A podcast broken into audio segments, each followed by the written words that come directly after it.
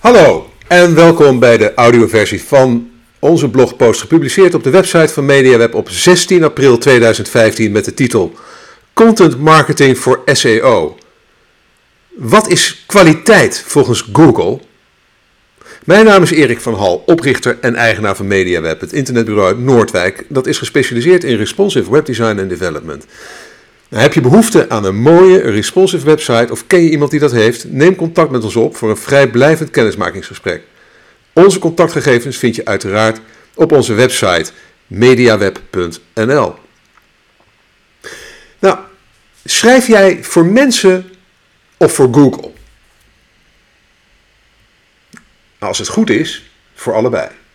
Want content die goed is voor mensen, is goed voor Google. En andersom. Sterker, door te begrijpen wat volgens Google goede content is, ga jij beter schrijven. En zo sla je twee vliegen in één klap. Nou, laat ik beginnen met een bekentenis. Begin deze eeuw was ik geobsedeerd door SEO. Ik probeerde op alle mogelijke manieren mijn website hoog in de zoekresultaten van Google te krijgen. Maar ik was ook lui. En daarom zocht ik steeds naar de kortste weg. Een tal van softwarebedrijfjes die spelen in op de luiheid door slimmigheden aan te bieden om zo snel mogelijk hoog in de zoekresultaten van Google te komen. En zo kocht ik in die tijd software die automatisch pagina's genereerde voor tal van trefwoorden. Probeerde ik linkbuilding farms, keyword stuffing en nog veel meer dubieuze methoden. Uiteindelijk was ik veel tijd en geld kwijt zonder blijvend resultaat.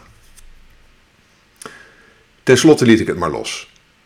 SEO was blijkbaar niet mijn ding. Nou, in juni 2013 begon ik met, met mijn blog. En mijn doel was en is om door kennis te delen mijn bedrijf te laten groeien. ik hoopte natuurlijk ook wel een beetje dat het bloggen goed zou zijn voor onze SEO. Maar het was niet mijn belangrijkste doel. Dat is namelijk om MediaWeb op de kaart te zetten als een integer, deskundig en innovatief internetbureau.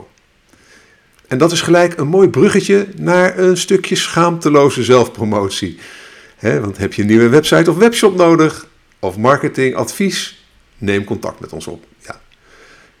Dat is eigenlijk een grapje ehm, wat ik in de blogpost heb verwerkt. Uh, en daar werkt hij denk ik wat beter dan in deze podcast. Dus uh, kijk het er maar eens op na.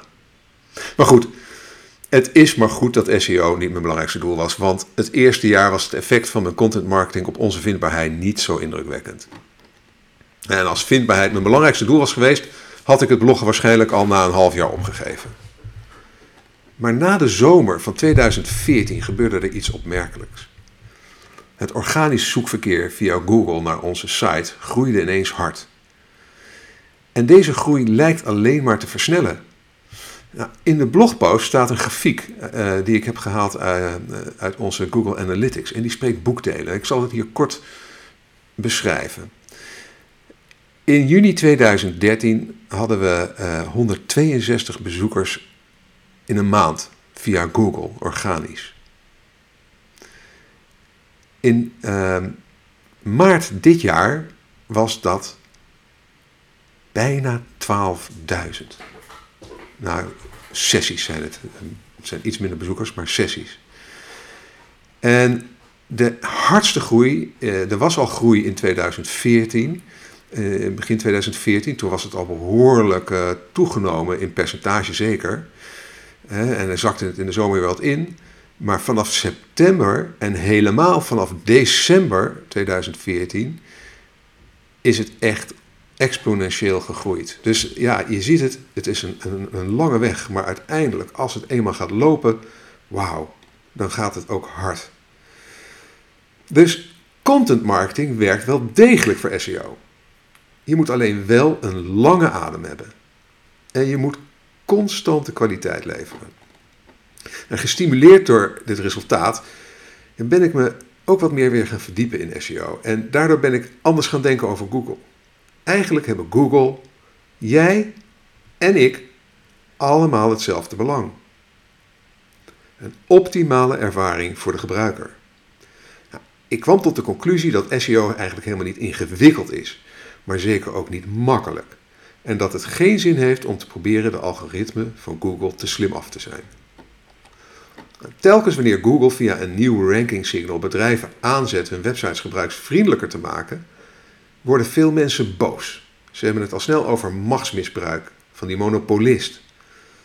En na mijn publicatie van het artikel over de mobielvriendelijke update van 21 april was het niet anders. Mensen betichten via Twitter en Facebook Google ervan MKB-bedrijven te pesten, op kosten te jagen. Volgens mij hadden ze hun tijd en energie beter kunnen besteden aan het mobielvriendelijk maken of laten maken van een website. Want met mopperen op Google schiet je als marketeer of ondernemer niets op.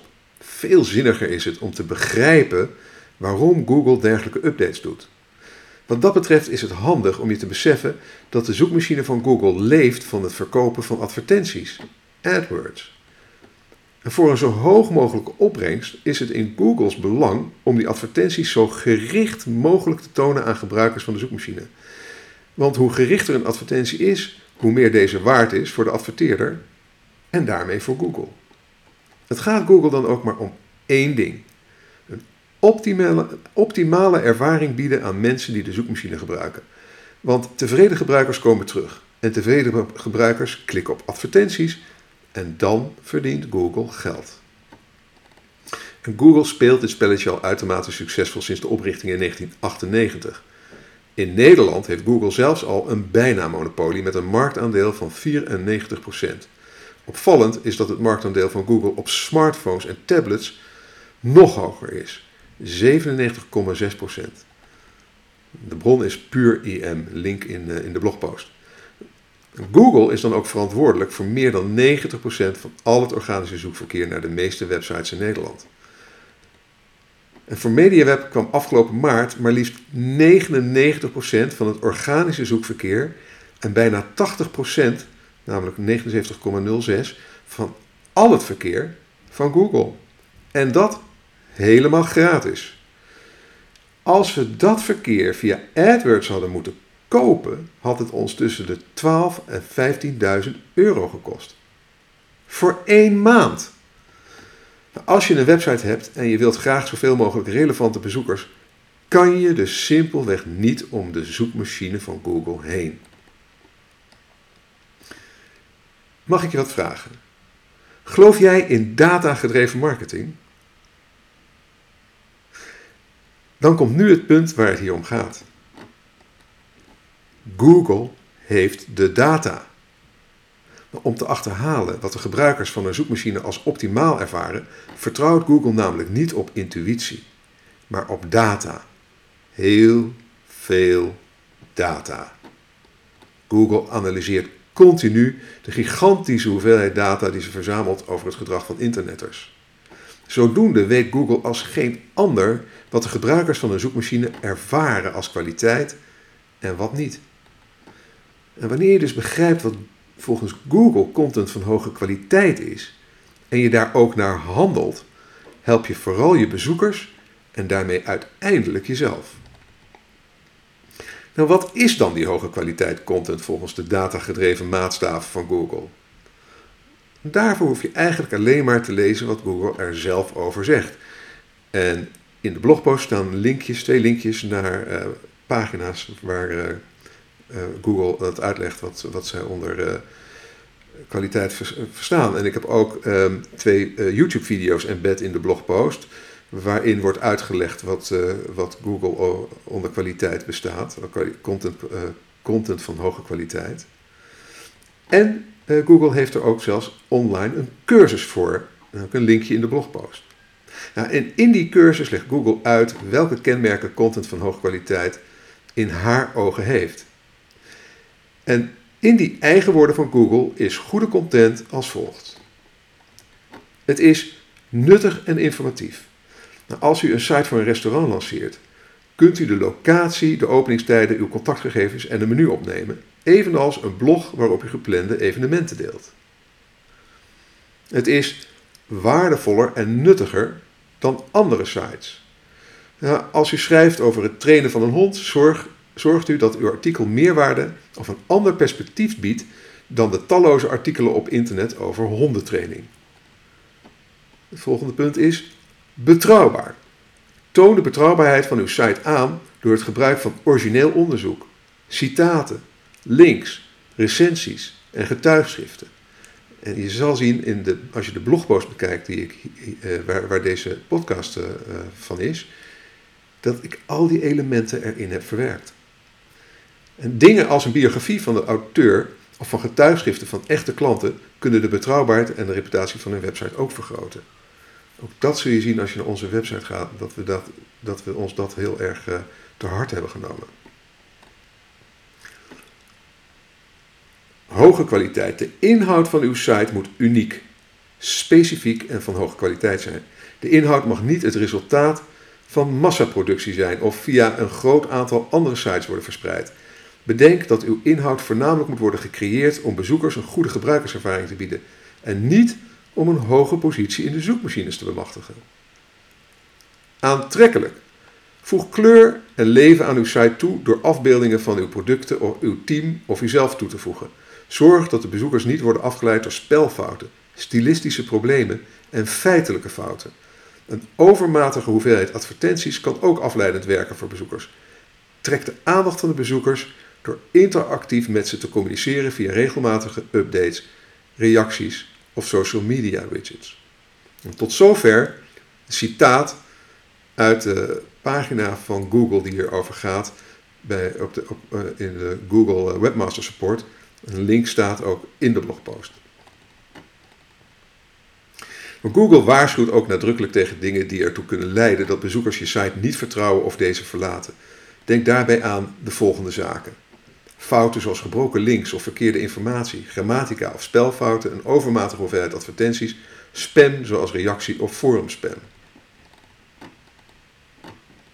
Maar hoe bepaalt Google nou wat goede content is? Nou, Google gebruikt niet alleen computers en algoritmen om te bepalen wat kwaliteit is.